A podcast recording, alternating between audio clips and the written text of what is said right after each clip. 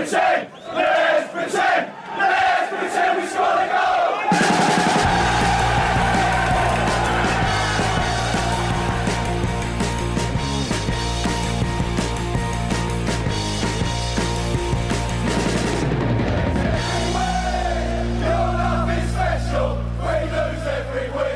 Hejsan, välkomna till Sportbladets Premier League-podd med mig Mattias Lönngren och Kalle Karlsson i princip ständig gäst. Jag tror jag har missat ett enda program på hela säsongen, två faktiskt. Ja, nej, det är något sånt där. Jag brukar få bära den här skutan eftersom alla andra är så frånvarande. Förut hade vi en jäkla bred trupp men det har droppat av. Ja, den blir Eh, smalare och smalare. Jag vet inte om det berodde på att eh, rotationspolicyn inte fungerar så att de som liksom Mm. inte fick tillräckligt med speltid ruttnade och, och sökte andra klubbar. Jag vet inte. Ja, det kan ju vara så enkelt som att eh, den nuvarande interim huvudcoachen eh, också eh, spelat in att de vill inte spela under nuvarande coachen. Det är inte Jaha, nej, omöjligt. det tror jag inte. Jag tänker mer att det, det är Nej, det- många som har andra bestyr om man säger så. Ja, så är det. Eh, Men det kändes som vi hade en väldigt bred trupp för ett par år sedan och nu är den tunnare.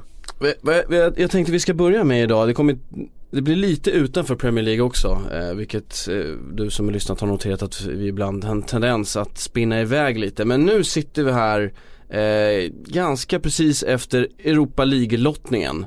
Vilket innebär att vi är ungefär en timme efter, ja en timme och en kvart, en timme och 20 minuter efter att Arsène Wenger eh, som gruppetta i Champions League inser att han måste åka till Tyskland och ta sig an Bayern München i, i Champions League. Alltså lottningar, det är inte deras grej Nej alltså. det är ju sjukt på alla sätt såklart. Men det här, De- vi, vi, vi sa ju att det blir ju så här. Det pratade vi om den här förra veckan. Ja, eh, och vi skojar lite om det och det var väl någon, någon slags underliggande ton att det blir så här. Men det borde ju inte bli så här enligt logikens alla regler. Men det finns ju ingen logik utan när Rudschuli drar fram de där bollarna så får man ju ändå tro att det är slumpen som avgör och då eh, verkar ju slumpen grina Arsenal i ansiktet år efter år. De har väl egentligen bara haft tur med lottning i Champions League senaste åren en gång, det var när de fick Monaco och då lyckades de slarva bort, det? slarva bort ändå. Men de har ju alltså haft otur med lottning så extremt många gånger eh, över de senaste tio åren. De har fått Barcelona en mängd gånger, de har fått Bayern en mängd gånger. Alltså, det är, jag tror Bayern fyra av fem gånger nu eller något sånt Ja, det är, Och nog, det är nog löjliga siffror. extremt eh, tufft såklart. Och, det är klart att man kan förbanna sin otur som Arsenal-supporter här och känna att jäklar det här är ju mm, eh, jobbigt på alla sätt. Men jag tror faktiskt så här. Jag tror att eh, Arsenal kommer att sluta Bayern München den här gången. Mhm. Eh, förlorar man och förlorar och förlorar, vilket de har gjort mot Bayern eh, åkt ut, så kommer man bara närmare sin första triumf. Eh, och det är såklart eh, kanske lite billigt att hitta den enda, en enda hoppet i den I sanningen. statistiken. Ja, men i den någon slags eh, grunda sanningen. Men Bayern har inte imponerat på mig den här säsongen. Under Carlo Ancelotti har det blivit eh, ett, eh, ett annat Bayern som fortfarande har en väldigt bra trupp. Man ska veta att Frank Ribéry och Arjen Robben och de här, de börjar bli lite till åren. Douglas Costa har ju inte eh, varit på samma nivå den här säsongen som han var förra säsongen när jag tyckte han var en av de bästa yttrarna i världen faktiskt. Ehm, så att jag tycker inte Bayern ser sådär extremt skräckinjagande ut. Jag tycker inte att de är uppe så att de ska nämnas med Barcelona och Real Madrid här och nu. Jag tycker att Visst, de tillhör den där elitgruppen i Europa, det är ingen tvekan om det.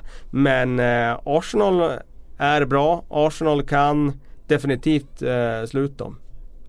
Eh, mm, vi ska inte vi ska inte grotta in oss för mycket i Champions League här. Eh, det var jag tänkte på också var Europa League, Manchester United mm, har ju eh, Zlatan sagt att det blir mycket med de här torsdagsmatcherna som är Europa League-dagen. Eh, nu blir det mot Saint-Étienne. Eh, där ska de väl, det ska de passera och då fortsätter torsdagsmatcherna helt enkelt. Det är ju en väg fram till Champions League också, det ska man inte glömma bort. Eh, nej precis, så är det ju. Eh, det är ehm, eh, kanske Uniteds bästa chans att nå Champions League den här säsongen. Det får man ju se fram i vår när eh, man ser hur tabellen slut fram i mitten av februari när man går in i det här Europa League-slutspelet. Men man är nio poäng efter idag, eh, någonstans där. Och eh, fjärdeplatsen. Eh, det var i alla fall inför helgen. Det kanske inte är lika många poäng nu. Eh, jag ska kolla det under tiden. Men min känsla har ju varit i takt med att United har sett lite ofärdiga ut att eh, de kommer att eh, hamna i ett läge där de behöver satsa på Europa League. Ja det är sex poäng nu eftersom City förlorar i helgen. Just så var det. Sex poäng upp till eh, Champions League-platsen i nuläget. Men, eh, och det är klart mycket kan hända på den fronten. Det är ingen tvekan om det. Men eh, eh jag tror att United kommer vara i en situation där man behöver satsa på Europa League. Hur är det nu? Nu, får, eh, nu måste jag tyvärr flagga för att jag inte har järnkoll på det här. Men om man tar, eh, om Manchester United eller något annat engelskt lag tar den matchen. Eh, blir man av med en plats till Champions League från eh, tabellen? Nej, då ska man, Man ju... får en extra. Man får en extra då. Ja okej. Det Ja. Yes. ja men då så, då är jag med. Jag var, mm, ja, det, blev, det var ändrades där. För förut var det väl så att man inte fick ha en extra. Då blev det dyrt när Liverpool tog en chockseger i Ja, Champions det var ju- League. ja. Eller är det inte så att det blev Ja, lite... precis. Alltså, när Liverpool vann Champions League Så, ja. 2005. Precis. Då var det ju, då fanns det liksom ingen eh, Fantastisk final. Eh, det får man säga. Då fanns det liksom ingen, inget regelverk för om man vann Champions League men missade Champions League-spel i den egna ligan. Så då fick ju de en slags fribiljett där och nå, på något sätt och fick gå in i kvalet och, och så.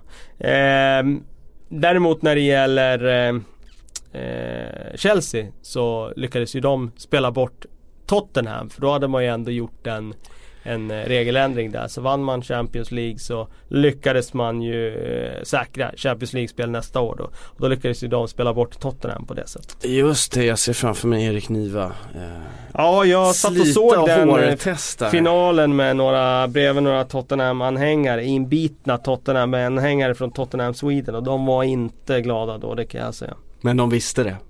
Redan in, alltså du Ja, ja, alltså, hela visste att- upprinnelsen till Ja. det här. Jag kommer ihåg Erik var ju bitter hela den våren och sa liksom ja men det kommer bli så, vi kommer och Det är klart Chelsea vinner Champions League liksom. Och så den finalen där Bayern är, alltså de är så överlägset bäst och de missar straffar och det är liksom allting. Spela om den matchen med det utseende på den matchen 20 gånger så vinner ju Bayern den 19. Men det här var den 20 gången och det var ju typiskt då att Tottenham skulle lida av det. Om du frågar Erik och det får man nog hålla med honom om.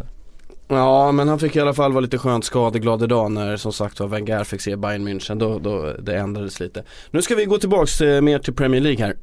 ett namn, ett lag som vi nämnde nyss, Leicester som ju har gjort succé i Champions League har fått harva på i Premier League. Ja. Men nu fick det se ut som förra säsongen.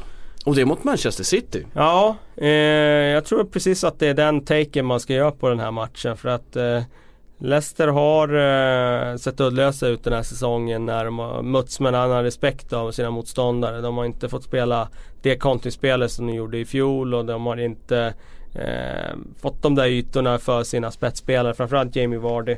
Eh, och det har eh, mynnat ut i att de har blivit eh, väldigt sårbara tycker jag när de har tvingats spela ett spel de inte behärskar. Nu mötte de Manchester City som har en eh, ja, en idealism med, med sin tränare som gör att han kommer aldrig tumma på att hans lag ska dominera matcherna. Och det innebär ju att oavsett om de möter Leicester som mår bra av det här omställningsspelet så, så kommer ju eh, City ändå bjuda på de ytorna. Och det gjorde de ju. Och de eh, gick ju liksom i fällan i den här matchen. Sen är det ju, jag menar, De får ju tidiga Äh, mål också ska man så inte är det ju.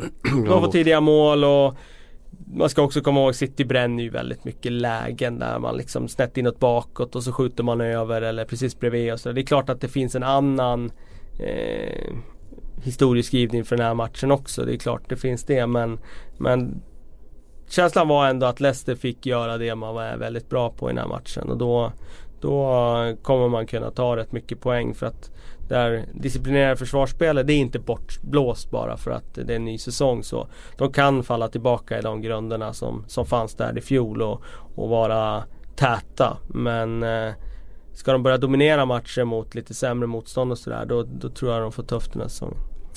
Ja, men Jamie Vardy, ursäkta, han behövde det här. Eh, Verkligen, Han har fått eh, alltså, gå det- torr länge här. Verkligen alltså.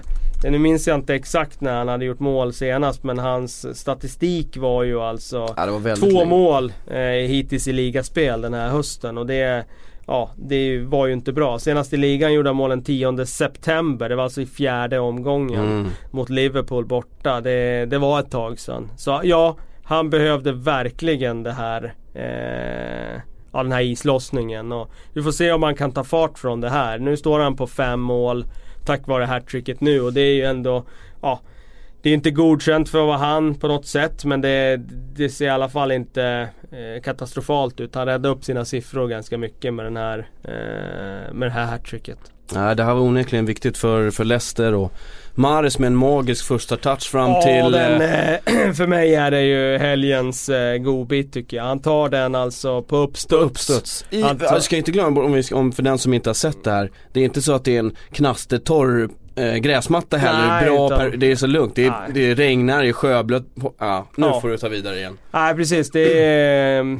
Det är, han läser den eh, så vackert, löpningen och studsen från den bollen och han sätter den med per, perfekt hårdhet i den passningen. Och sen är det dessutom med fel fot i hans fall också. Det är faktiskt med högerfoten och han är vänsterfotad. Så att, ja, det var ett tekniskt nummer som vittnade om att det finns lite kvar i de där påkarna fortfarande. Även om man inte har visat så mycket av det i höst får man ändå säga. Ja, det var en fantastisk dämppassning. Ja, jag vet det- inte riktigt hur jag ska beskriva den men den Ja, den, snygg. den var fin. Vad vi, vad vi kan konstatera, eller vad jag tänkte direkt var att sådär ja.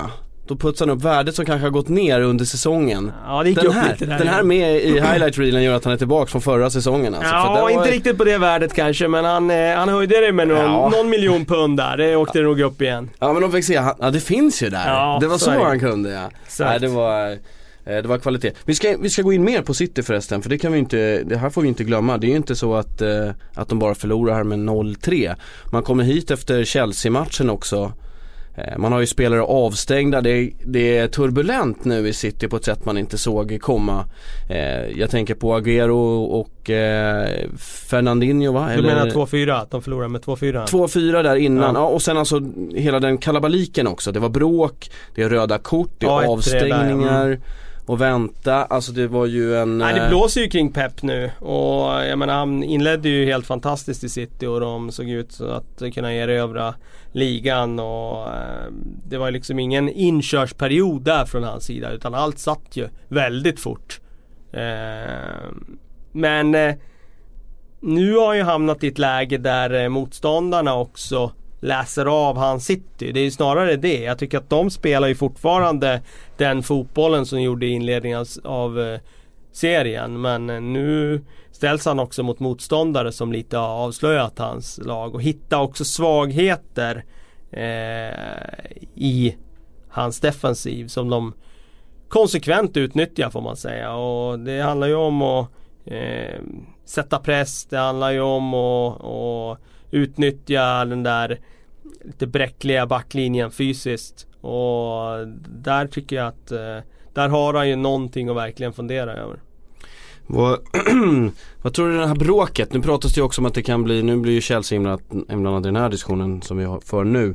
Eh, att det kan bli poängavdrag för Chelsea då efter hela den här eh, bråkgrejen. I och med att de varit inblandade i flera saker eh, under några månader. Ja. Inte hänt sen bla bla bla 90 tidigt.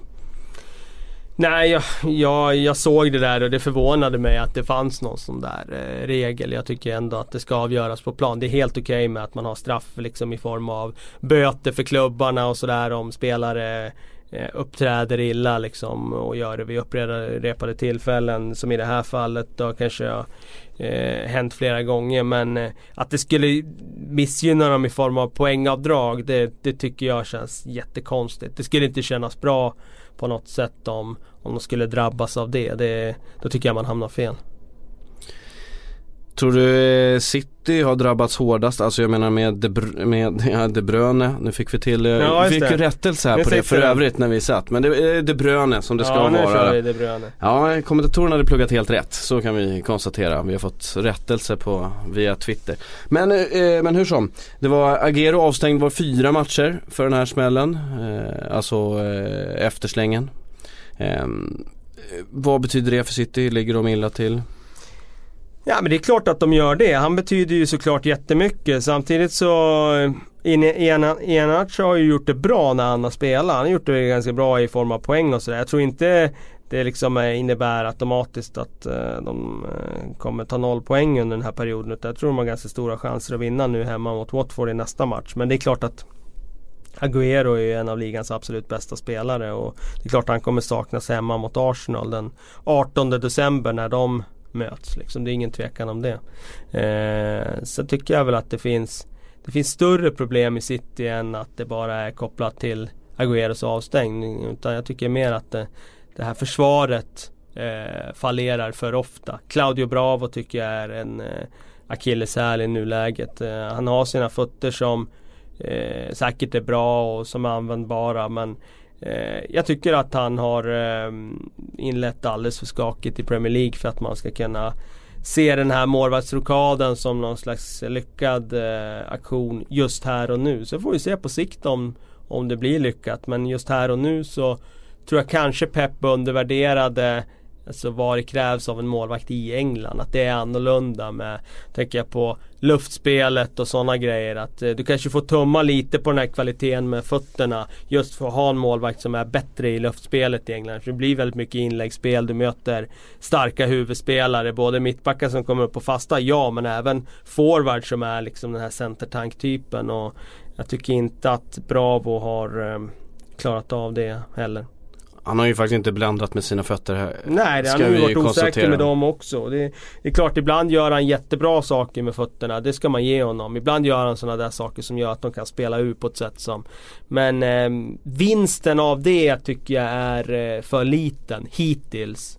För att eh, köpa hans eh, brister i, i målvaktsspelet. Och det var ju trots allt en ikon också som byttes ut. Alltså en klubbsjäl. Så var det. Eh, så det var ju ganska mycket man satte på pant. Eh, i, i den matchen. Nu ska vi gå in på en sak. nu ska vi prata eh, Diego Costa. Eh, Din för... favorit va? Ja lite så faktiskt ja. just nu. dels för att vi har fått lite frågor om det, dels för att jag tänkte på det nu senast. 1-0 seger mot West Bromwich. Det är Diego Costa som gör målet och han gör det på det sätt som han gör mål helt enkelt. Han är så fruktansvärt fysiskt stark. Och har teknik. Det är en, ja. en oerhörd han, kombinationen som sitter i honom har ju liksom, i år känns den ju fulländad. Precis som den gjorde när han var första säsongen och när han var i Atletico Madrid där när han fick sitt ja. riktiga. Men, men det är ju det att han, han är ju så stark så när, om du gör ett om du är som, även om du är en sta, stor stark Premier League back. Får du bollen ifrån dig några centimeter fel, du kommer inte orka trycka undan honom för att hålla din position. Han, han bara tar den av dig, som nu.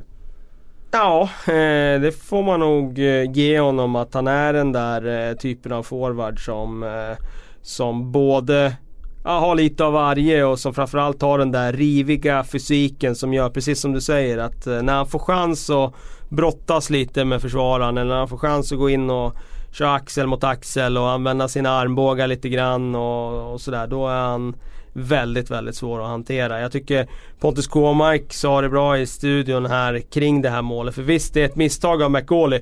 Det är ingen tvekan om det. Alltså det, det, det är klart att han får ta på sig det här målet. Och jag tror att när Tony Pulis vevar det här i efterhand så kommer han säga till McAuley att kvarten kvar av matchen, lägg ut den där bollen till inkast, vi tar hem laget och så är det lugnt. Eh, visst, eh, du kanske inte gör något konstruktivt i den situationen men bara lägg den ut i inkast så, så är det bra.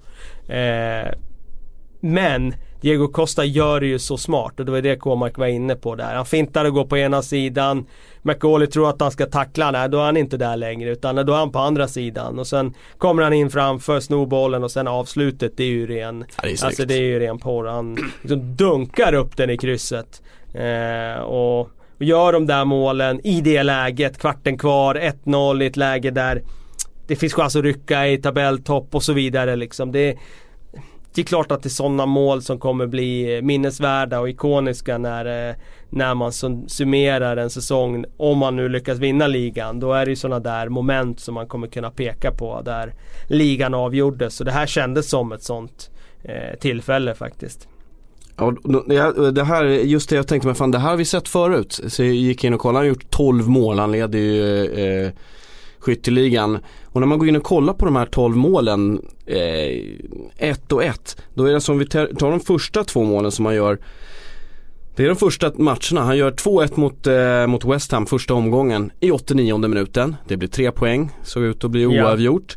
Ja. Eh, Watford 87 minuten, 2-1 målet. Eh, sen så tar de Burnley med 3-0, ah, då gör han inga mål, det behövs inte, här, här, här är inte så viktigt. Swansea gör han båda målen, slutar 2-2. Ja. Och Varav- då- 81. varav 81 minuten Trycker han in den. Liverpool, då sätter han en boll. Ja men man hör, det är de här matcherna när det, är, när det skiljer med ett mål. Och så som nu då mot West Bromwich, mot Middlesbrough ett mål, de vinner med 1-0. Han gör det målet.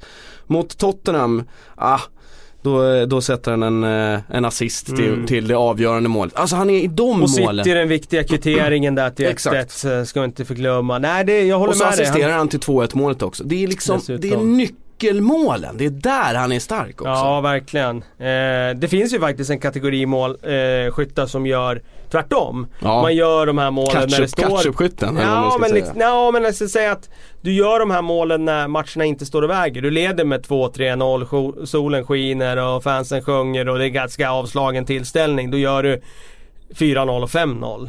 Eh, det vill säga mål utan tyngd. Eller du ligger redan under med 3-0. Då gör du reduceringen till 3-1 i 87 Ja, och kan få springa uppåt och Ja, vifta lite, precis. bollen under armen. Mm. Att göra de här målen, eh, de tunga målen, det är såklart mycket svårare. Eh, och det är klart att det väger så mycket tyngre. Eh, och när det gäller Diego Costa den här hösten så har han ju varit så betydelsefull för Chelsea så jag skulle säga att hittills den här hösten Premier Leagues mest betydelsefulla spelare.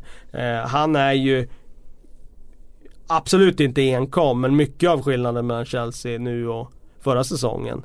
Eh, men Diego Costa i den här formen då får ju de en eh, de får ett anfallsspel och ett hot som eh, ja, det lyfter ju hela laget. Det lyfter ju allting runt omkring på ett sätt som ja, du behöver ju inte ha så mycket hot framåt eh, i form av Säg att du skickar fram massa fler spelare, spelar med två forwards och så vidare. Det behöver du ju inte när du har en Nej. Diego Costa som är så rivig och kan skapa chanser från ingenting som man gör i den här matchen. Ja, och, det, som alltså, han har gjort tidigare. bara på den här listan, han, han är ju ansvarig själv för typ 8-9 s- spelpoäng. Bara mer på än sista, så, ska jag ja, säga. Bara på sista tiden, ja det är ju Ja. fruktansvärt starkt. Ja, så är det. och det är ju de poängen som gör att de, att de leder. Och han gav dessutom Conte en väldigt bra start. När han kommer hit till ny i ligan. Han gav dem de två första segrarna de kunde jobba lite på att hitta, hitta Mm. rätt helt enkelt. Mm.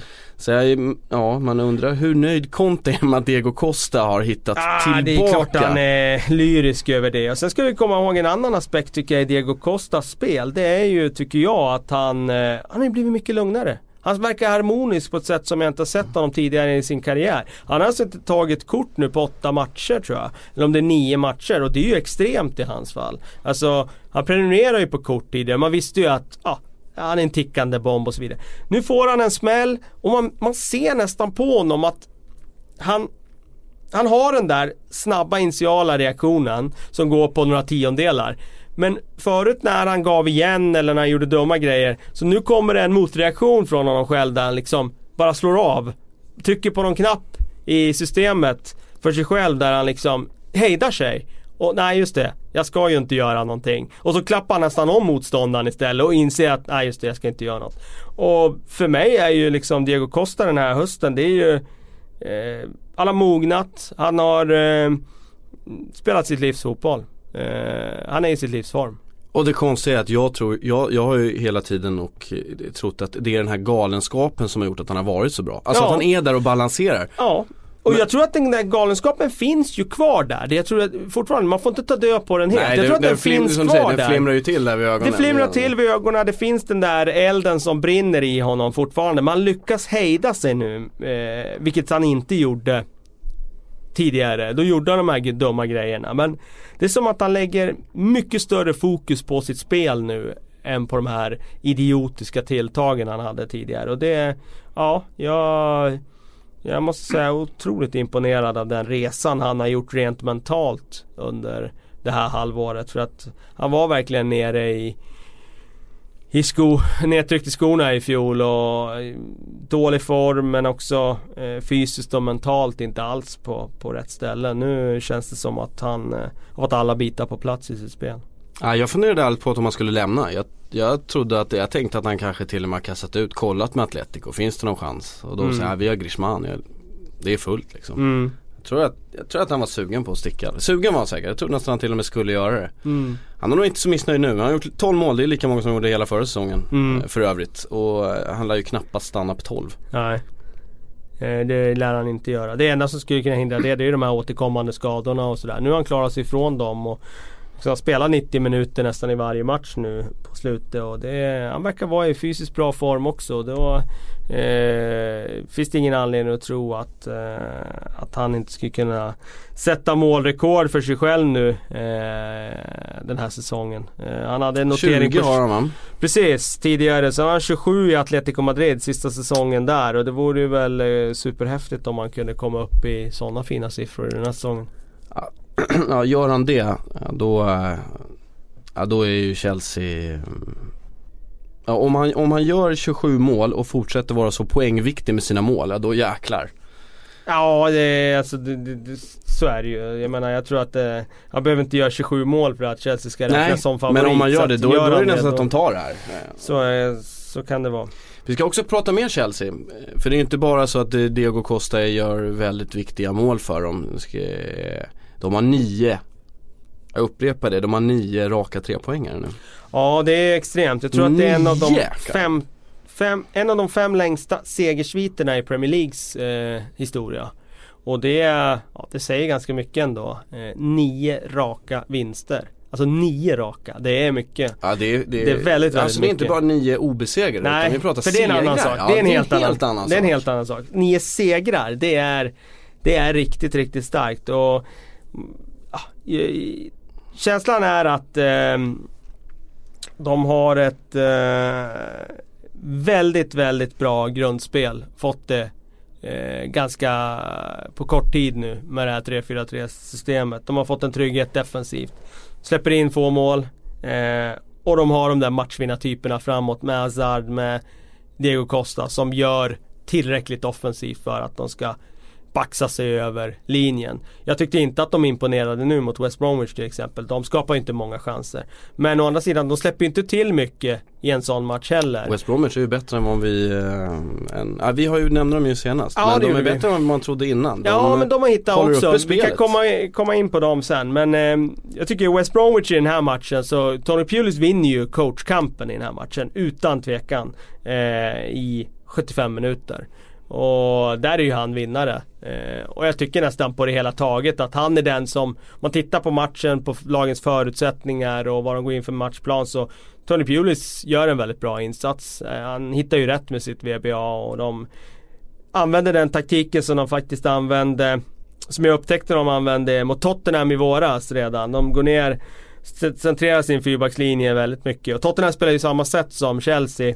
Inte samma formation rent siffermässigt men samma princip att deras yttrar kommer in centralt. Då fyller de på med ytterbackarna och låter dem eh, stå för spelbredden. Och det West Bromwich gjorde den gången då i våras eh, Det var ju att de låter sin fyrbackslinje gå in eh, väldigt, väldigt centrerat och så faller de ner med sina yttrar så de blir som en sexbackslinje.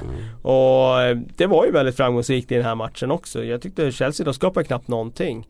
Och sen kommer det där misstaget och ja, det blir ju alltid så. Nu, nu snackar vi om nio raka segrar istället för att snacka om geniet Tony Pulis som Ja. hade läst Conte här. Och, men det är så det funkar. Ja. När det gäller West Bromwich så måste jag säga att eh, imponerande av eh, eh, Tony Pulis att eh, med ett ganska blygsamt material faktiskt. Inga direkta förstärkningar i somras heller. Eh, fått till ett väldigt, väldigt homogent och bra lagbygge. Som, de all, som man alltid får egentligen. Och de, de vet vad de ska göra eh, och de gör det. Och nu är Berraino tillbaka, nu ska han spela med utvecklingslaget en match här. Det blir hans första match på flera månader här. Eh, så att kan de få igång honom också som alternativ där uppe till Rondon och avlasta honom lite så kan det se ännu bättre ut här framöver. Um, vi är inte riktigt klara.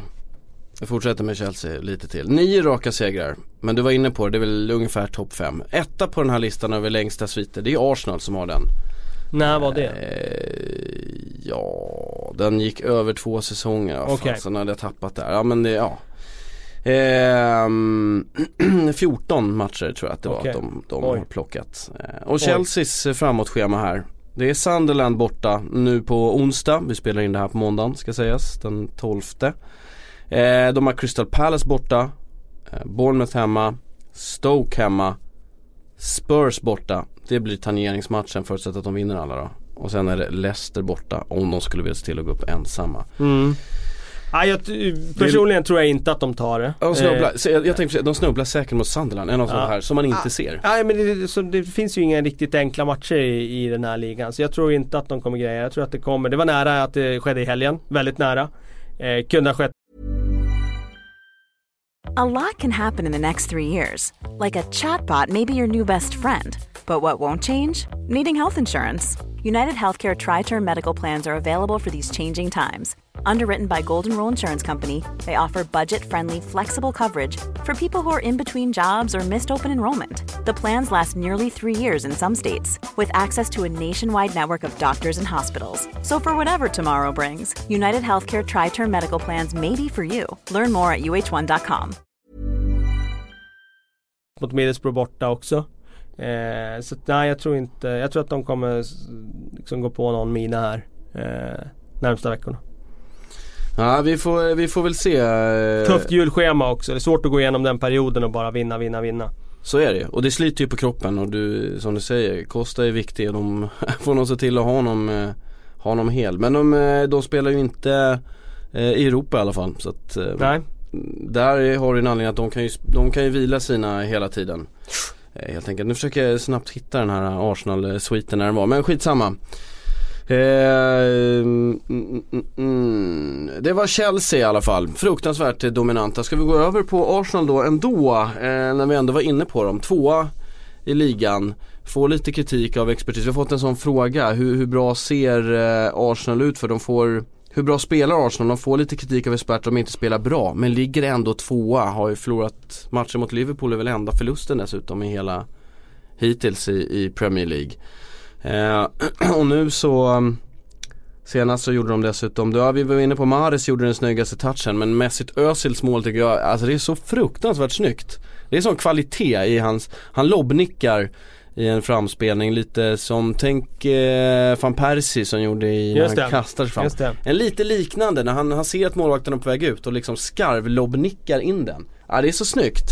Inte det var- direkt den eh, mest utpräglade huvudspelaren heller. nej, nej det, det, är, det är inte så många skallningar som har suttit. Det här var ju inte en hård nick heller utan det var ju liksom en precis Ja det var Det var riktigt snyggt. Hur bra är Arsenal? Det var min fråga här nu. Eh, de är bra. Eh, de eh, har ju fått smyga med lite grann. Eh, ingen räknar riktigt med, med dem. Först är det mycket snack om City, sen är det mycket snack om Liverpool, sen är det mycket snack om eh, Chelsea. Ingen Och- har ju riktigt eh, snackat Arsenal. Vi snackade väldigt, eller kanske mest eh, undertecknad på den här sidan av mikrofonerna. Var ju väldigt skeptiska i början också när de inte, när de inte plockade in Mustafi fast de behövde en back så Ja, tydligt. Sen gjorde här- de det. Sen gjorde de ju det men det tog, Gjorde det de tog ändå någon Ja, gång. och nu är Mustafi skadad och det var inte bra. Det var Vi inte får bra. se hur länge han blir borta. Det är klart att det, det är inte bra. Koscielny känns ändå som en väldigt eh, liksom, säker pjäs där bak. Så han kan nog hålla ihop det hyfsat. Sen beror det ju helt på vilka motståndare man ställs mot såklart. Han kan inte bära det själv mot för bra motstånd. Men eh, de är bra. Nu har de fått tillbaka Beijer in, det är viktigt. Högerbacken där. Eh, det viktiga tror jag inte bara är att få in liksom spetsen som Beijerin ger. Utan liksom med sina offensiva eh, löpningar, sin snabbhet. Utan framförallt man ska inte ha akilleshälar. För har man det som City har till exempel, då finns det någonting motståndaren kan utnyttja. Samma sak med Arsenal om man har liksom en högerback i form av Gabriel, om det låt, låt säga att det är han. Det, så det, det blir liksom någonting som motståndarna kan eh, sätta in stöten på. Och det är, där tror jag det är viktigt liksom att man inte har några sådana svaga länkar. Och därför betyder det jättemycket för Arsenal att Beijerin är tillbaka. Sen får man ju säga att med Sanchez i den här formen med Özil, med den här eh, enorma bredden de har i offensiva positioner med Oxlade Chamberlain, med Iwobi, i Theo Walcott och så vidare. Så äh, de, de känns ju väldigt, väldigt eh, breda Arsenal den här säsongen och det enda som kan hindra det, det är ju skador i defensiva positioner tycker jag. Ja, vi framåt. De kommer vara med och slåss om titeln, det är ingen tvekan om det. Jag, för mig råder inga tvivel om det. De kommer vara med där uppe och slåss om det och sen får vi se om de når hela vägen fram. De, dubbelspelar ju fram i vår. Eh, får vi se om de åker mot Bayern eller om de som jag Ja, tror det. de går vidare. Men eh, man ser ju på Chelsea som inte spelar de här uttömmande Europamatcherna, kan träna med truppen hela veckan. Eh, det är klart att det är en jättefördel alltså. Jag tror inte att, jag tror att, jag tror många Eh, utanför businessen de underskattar den aspekten. Eh, att slippa ha delade veckor med veckomatcher det är ju Alltså det är sån enorm skillnad hur du lägger upp en vecka om du bara har en match jämfört med hur du lägger upp en vecka om du har en veckomatch. Och Leicester vann ligan i fjol när de inte behövde spela i Europa. Chelsea leder ligan nu när de inte behöver spela i Europa. Det, jag tror inte, det är ingen slump. Leicester spelar nästan bara fotboll i Europa den här säsongen.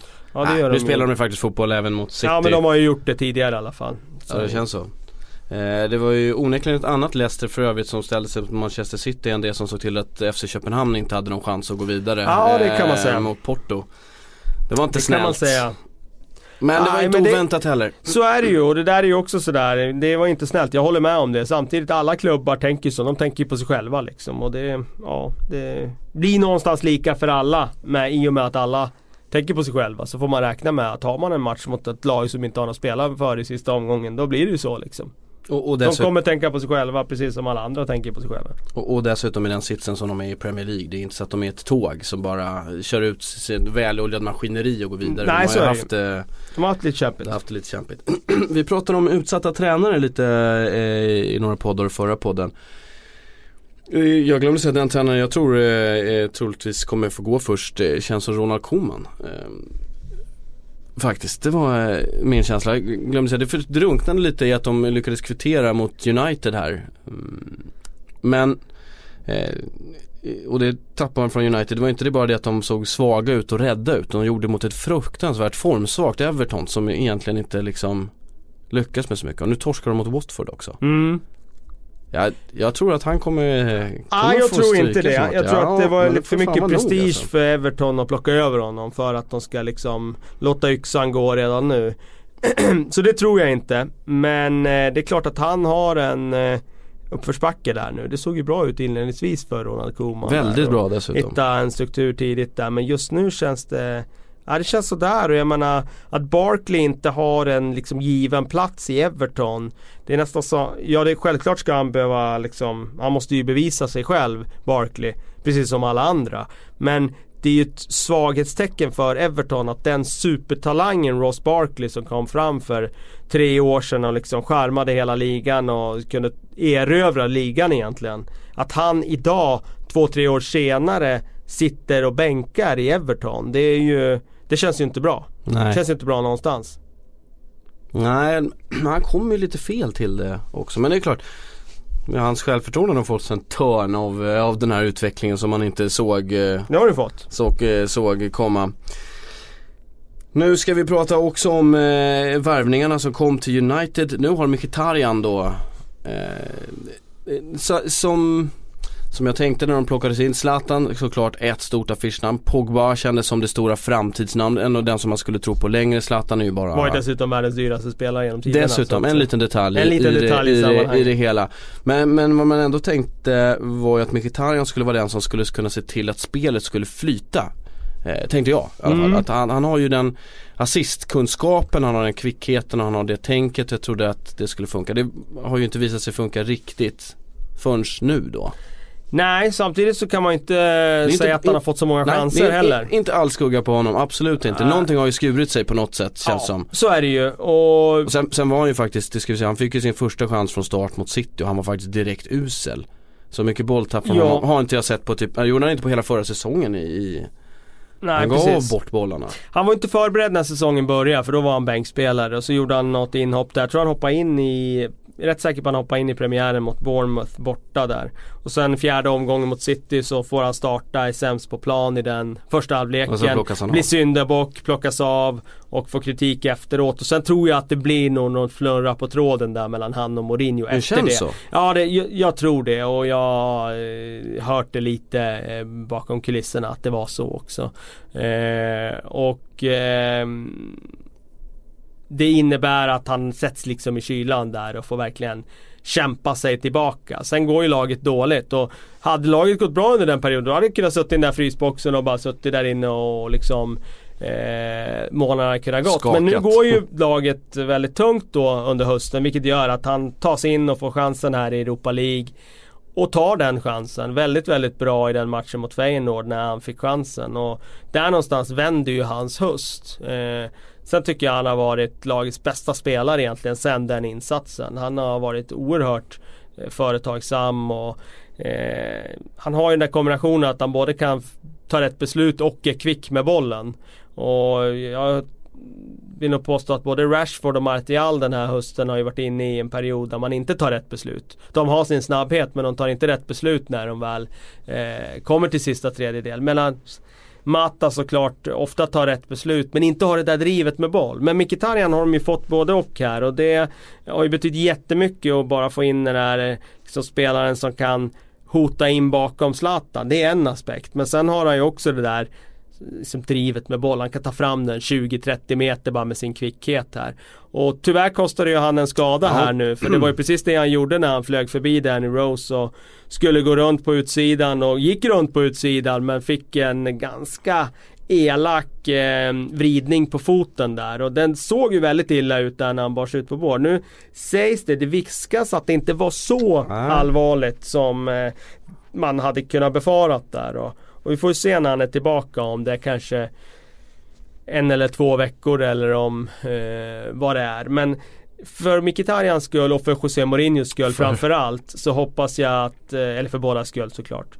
Eh, så hoppas jag att han är tillbaka så fort som möjligt för att eh, han har verkligen blivit en injektion i Manchester United. Han har gett laget en dimension som de inte hade tidigare och som är oerhört viktig för att deras anfallsspel ska flyta. Ja, det sägs att det är en vecka. Mm, Okej, en vecka. Då, Det blir två matcher då som då bör han inte tappa eh, formen så mycket. Men det är klart, det är två viktiga matcher eh, för Uniteds del och det, han kommer saknas enormt såklart i, i de två fighterna. Ja, det, det här är ju Som sagt var, United har ju knackat eh, och knackar. Ja, sen måste jag säga, jag, jag, jag vill nog påstå att eh, Mourinho i sak har rätt med en del. Och Zlatan var ju inne på det också i intervjun efter matchen senast, att de har spelat bra. Ja, de har lite otur. Under senaste Mm. tiden och haft lite, ja de har inte fått den eh, utväxlingen i poäng som de kanske har förtjänat. Det där Mourinho gick bort sig i snacket, det tycker jag var att han sa att de spelar fantastiskt mot Everton där. För den andra halvleken var ju inte alls bra. Den var Eh, fan rädd. det, ja och det, det är det som är grejen med Mourinho att hade han sagt då att ja, vi spelar skit i andra halvlek mot Everton men annars har vi spelat bra, men då hade han ju varit trovärdig. Men när han inte sa det utan han tyckte att de spelade jättebra i den matchen då Ja då gick han väl lite snett på det. Men på det stora hela de senaste två månaderna sedan de började liksom pressa högre, när de började springa mer i försvarsspelet, när de fick in lite tempo i offensiven. Så tycker jag faktiskt att Manchester United spelar ganska bra fotboll. Jag tycker ett helt annat Manchester United idag än vad det var under Louis van Gaal och under David Moyes också för den delen. Så att det finns någonting att bygga på där. Sen behöver de ju omsätta det i poäng också. Det har de inte gjort i tillräckligt stor utsträckning. Nu ska jag göra någonting jättedumt här för att nu ska jag referera till statistik som jag läste om för två veckor sedan som jag inte Ja, har i, i huvudet. Eh, men då var det en, eh, jag var inne på någon sida, de visade och tog upp statistiken att ja, Mourinho har rätt och plockar upp i skottstatistiken st- skapade målchanser som United hade på de eh, alltså tre eller fyra senaste matcherna. Eh, och det var något så här löjligt, de hade så här 19-3 i målchanser men hade bara fått ut typ två poäng på dem. Alltså för att Ja, det var, det var målvakter som hade ju, så det är ju målvakter som har gjort monsterräddningar och gjort liksom sina livsmatcher mot United den här säsongen.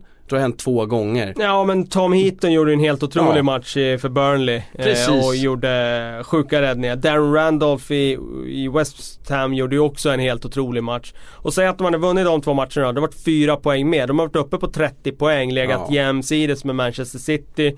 Eh, kunna hävda att de nosar ändå på eh, toppstriden. Ja. Och då hade det varit en annan sak. Så det är klart att det finns en annan historieskrivning här och liksom, det är ju, någonstans är det ju små marginaler i, i idrotten. Oavsett vilken nivå egentligen så skulle jag hävda att det är väldigt, väldigt små marginaler. Och vi, vi är ju, vi i media och även fans och alla runt omkring är ju väldigt mycket det här svart eller vitt. Ja, alltså vi tittar svart eller vitt, vart ligger man i tabellen och vi tittar inte så mycket på det runt omkring som vi kanske borde göra ibland. Jag hävdar att det är små marginaler, att det finns ofta alternativa historieskrivningar nästan i alla fall.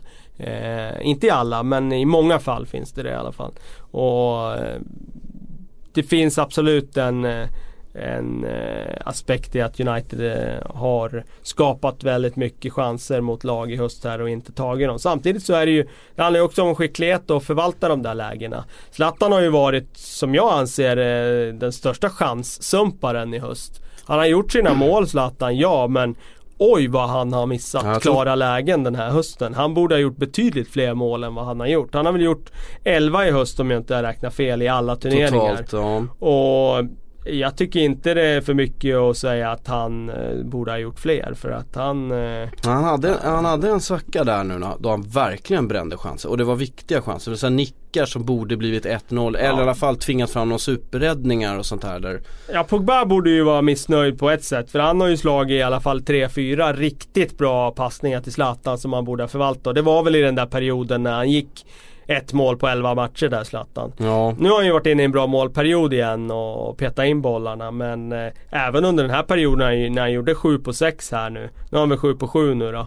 Så eh, även i den perioden så tycker jag han har bränt mycket lägen alltså. ja han brände ju redan även nu. Alltså han får inte, alltså det är något som, ja, jag kan inte sätta fingret på det. det är ju, Zlatan är ju fortfarande väldigt, väldigt bra såklart. Men de sitter inte precis vid stolpen lika hårt hela tiden som gjorde. Men eh, han hittar säkert rätt. Han vet ju hur man gör. Eh, den gode Zlatan. Men han kommer nog Alltså det är ju är någonting som säger, det säger ju ganska mycket när han själv säger att han blir väl, att det tar på honom väldigt mycket att spela i Europa League. Det an, alltså om han pyser ut den informationen, ja då fan blir han ju sliten. Och nu fick jag ju dessutom höra att, eh, att eh, Mourinho dessutom har tagit in dem på träning här.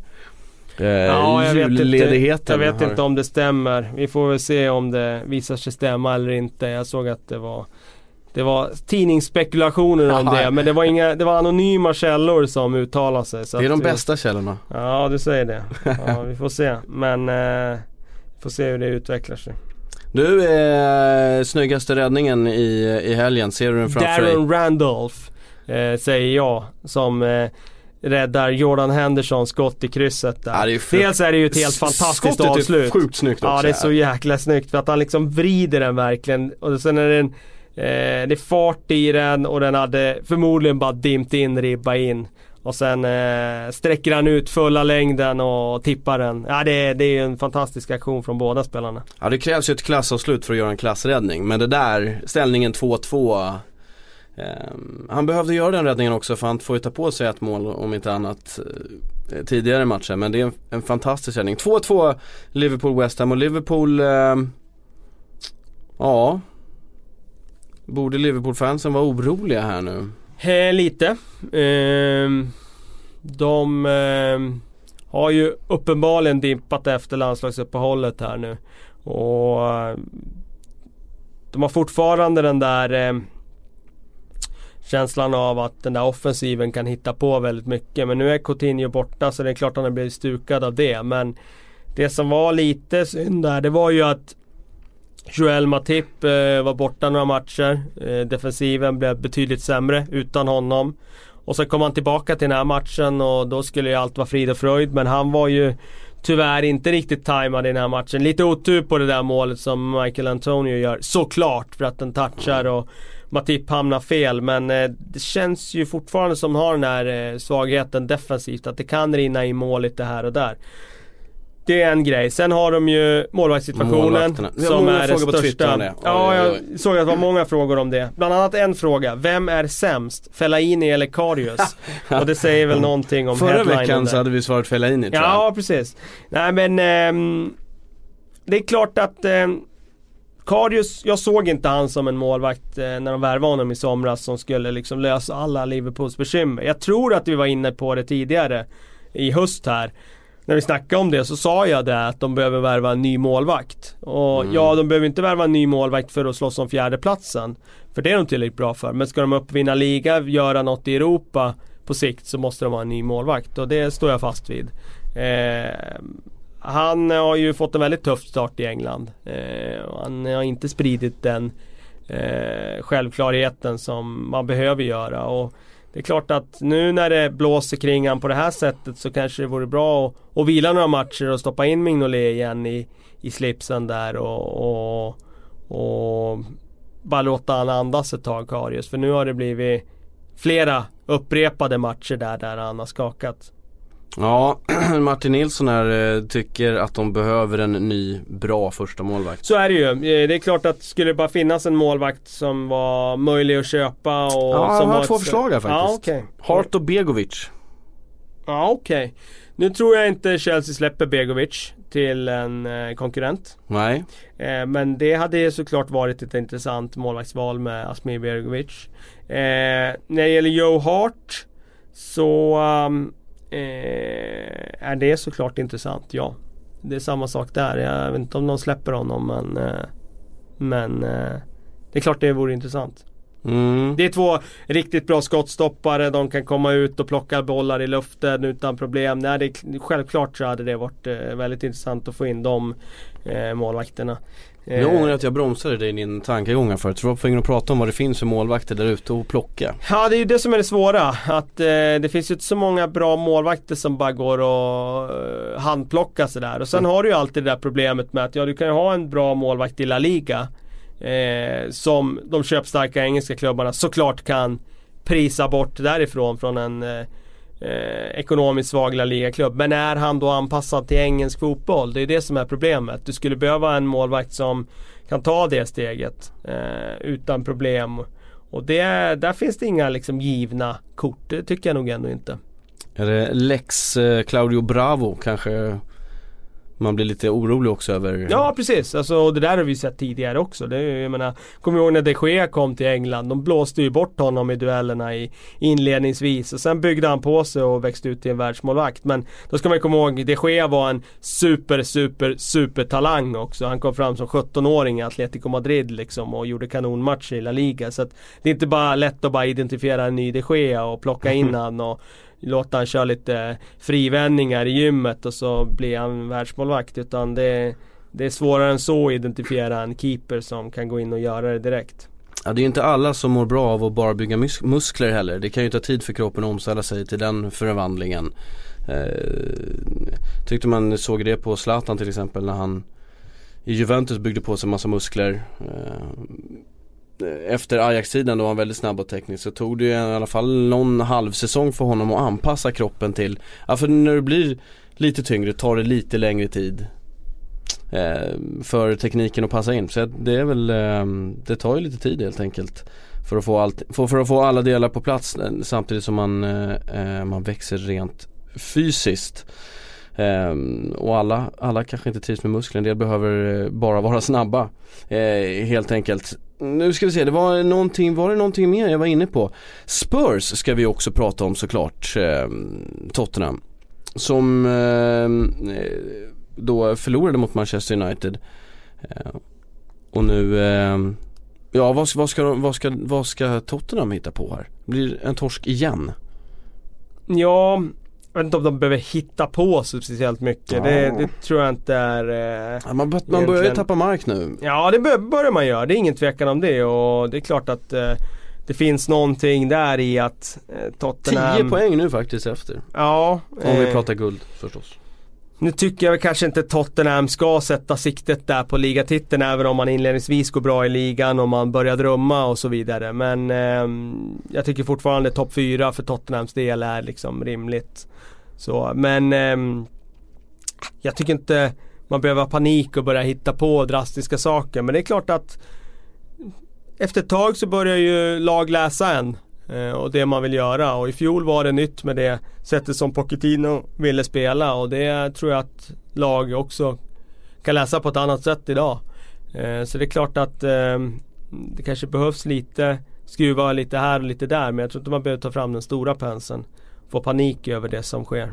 Hur många extra planer behöver man ha när man går in på match egentligen som huvudtränare? Hur mycket, hur mycket um, förändringar är man beredd att göra under match? Förstår jag tänker? Ja, Då har en plan A, exakt. plan B. Absolut, har man absolut. till EFG? Hur långt har man? Nej, det, det behöver du inte ha. Vissa, eh, en plan A, en plan B och en plan C kan du ha. Och sen kan du självklart få en idé under matchen vad du vill göra utifrån det du ser.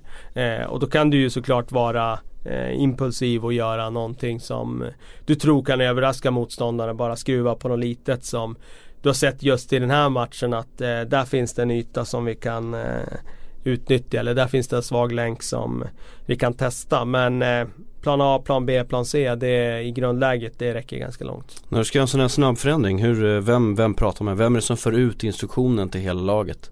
Har man Eh, en? Vet du hur det funkar? Mm, Nej, alltså du, det, är liksom, det kan ju vara att du, eh, du förändrar på en spelare på en Mm. kant. Och då är det egentligen viktigt att, Ja, den. att den yttern och högerbacken kanske får veta det då. Eh, så vi- högerbacken vet hur han ska förhålla sig till att yttern rör sig på ett annat sätt. Eh, möjligen att eh, att tian också behöver veta det men eh, Eller din mittfältare liksom men Det är du kan, du kan styra det med ganska små medel i alla fall på den eh, nivån där jag har verkat där man fortfarande hörs från sidlinjen när man skriker liksom. Då, då kan du styra det på ganska enkelt sätt. Nej, du har inte haft så, du har inte upplevt några större komplikationer? När det handlar om publik och så vidare. Med, med att, att publiken hörs mer än vad jag hörs. Ja exakt. Nej, det är, just den, den problematiken har vi inte haft. Vilket lag i Premier League skulle du eh, vilja ta om du fick chansen? Eh, fråga som jag har tappat från namnet dock. Jag skulle vilja ta alla utom Alla det på en sjunk, sjunkande skeppet Swansea. där, skulle jag, där skulle jag tveka lite innan jag hoppade på för jag tycker att de är i en eh, period där eh, där, där är det tufft att hoppa på det eh, tåget. Jag skulle tveka lite grann att hoppa på Hull City även om det är tacksamt eftersom ingen kommer ha några förväntningar på en. Eh, jag skulle tveka lite grann på att hoppa på Sunderland även om de nu börjar eh, vinna lite matcher och så vidare. Så där skulle vi nog inte kunna spela den fotbollen som jag skulle vilja spela. Eh, överhuvudtaget. Du hur gick det mellan Swansea och Sunderland i helgen? Ja, det, det var ju inte, i och för sig intressant att de fick vinna där. Nu är ju Rente igen. Ja. Nu, han gör mål. Mm. Eh, 3-0 ska sägas ja. er som inte har det men det är de tre då som jag skulle ändå tveka lite på. Annars skulle jag nog kunna ta alla lag. Det är, man får ju ändå säga att det är en bra pensionsförsäkring och hoppa på. ja, du behöver nog inte göra Eller så menar du att jag ska jobba ideellt? Nej nej nej nej nej, Eh. nej. Det vet vi att du inte gör Kalle. Nej fan. Det är inte många som gör eh, I dagens samhälle? Nej. det, så är det Eh, Men att jobba i division 2 är nästan ideellt så att, ehm, ja. Ja men det kan jag tänka mig. Det är väl där du bygger grunden till eh, eh, Man jobbar väl dels för nuet men också för framtiden antar jag. Ja, alltså, det vet jag inte men man, det är nog säkert många som gör det. Jag jobbar för att jag tyckte det var jävligt roligt. Men eh, eh, det är klart att eh, gå in i Premier League så, så tror jag nog att de som, som ritar på där också tar hänsyn till vad de får i lönekuvertet. Liksom. Du hur mycket, hur, hur mycket utvecklades du som tränare när du var där? Får jag fråga det? Alltså är det mycket som du, ja, jag känner, är det mycket som du känner så här, att man, du har en bild av hur det är att vara så här tränare och så kommer man dit Shit, det funkar inte alls så här. Nej men alltså jag skulle säga så här att eh, du utvecklas ju som tränare oavsett vilken nivå du verkar på. Även om du skulle hoppa in i division 6 och leda ett lag där och inte ha gjort det tidigare så utvecklas du ju massor för du märker eh, saker om dig själv som ledare som du liksom eh, tar fasta på. Du, du hittar din egen ledarstil och så vidare. Har du Säg att du har 20 tränarår och gör ytterligare tränarår i division 5 då kanske du inte utvecklas så mycket av det. Men om du är ny in i gamet så, så utvecklas det ju massor av alla ledaruppdrag du tar. Och det spelar ingen roll om du tar ett lag med P11 eller om du tar division 2. Du, det är en enorm utveckling såklart. Vi har fått en fråga också, borde inte en, en huvudtränare sitta högt upp på läktaren för att få en övergripande bild av Ja det är vissa spelet? som Ja det, man får ju bättre överblick av spelet där, det, gör, det får du ju. Eh, Det är vissa som använder sin assistent till att sitta högt upp på läktaren med headset och så vidare. Eh, för att titta där. Det är, och det kan vara så att man sätter sin ass högt upp på läktaren i första halvlek för att liksom komma ner i pausen och göra någon dragning. Men det som är problemet om du är huvudtränare och sätter på läktaren då får du ju inte vistas i det tekniska området. Ska du stå på laguppställningen då får du bara vara i det tekniska området och det innebär att då får du inte gå upp och sätta dig på läktaren och sen bara kliva ner till linjen. Så du kan ju inte få ut dina instruktioner på annat sätt än att du sitter där med headset och berättar för någon annan. Mm. Men då har ju inte spelarna liksom huvudtränaren där nere och nej, jag tror inte på det. Utan jag tror nog på att man eh, visserligen inte kanske får lika bra överblick, ja. Men du kan ändå se från sidlinjen också de mönstren du behöver se för att eh, rätta till de grejerna du behöver rätta till. Sen är det självklart att när du ser matchen efteråt på video så, så kanske vissa saker blir tydligare. Konturerna blir tydligare än vad de var för dig när du såg det under matchen. Men eh, du ser ändå mönstren i det stora hela.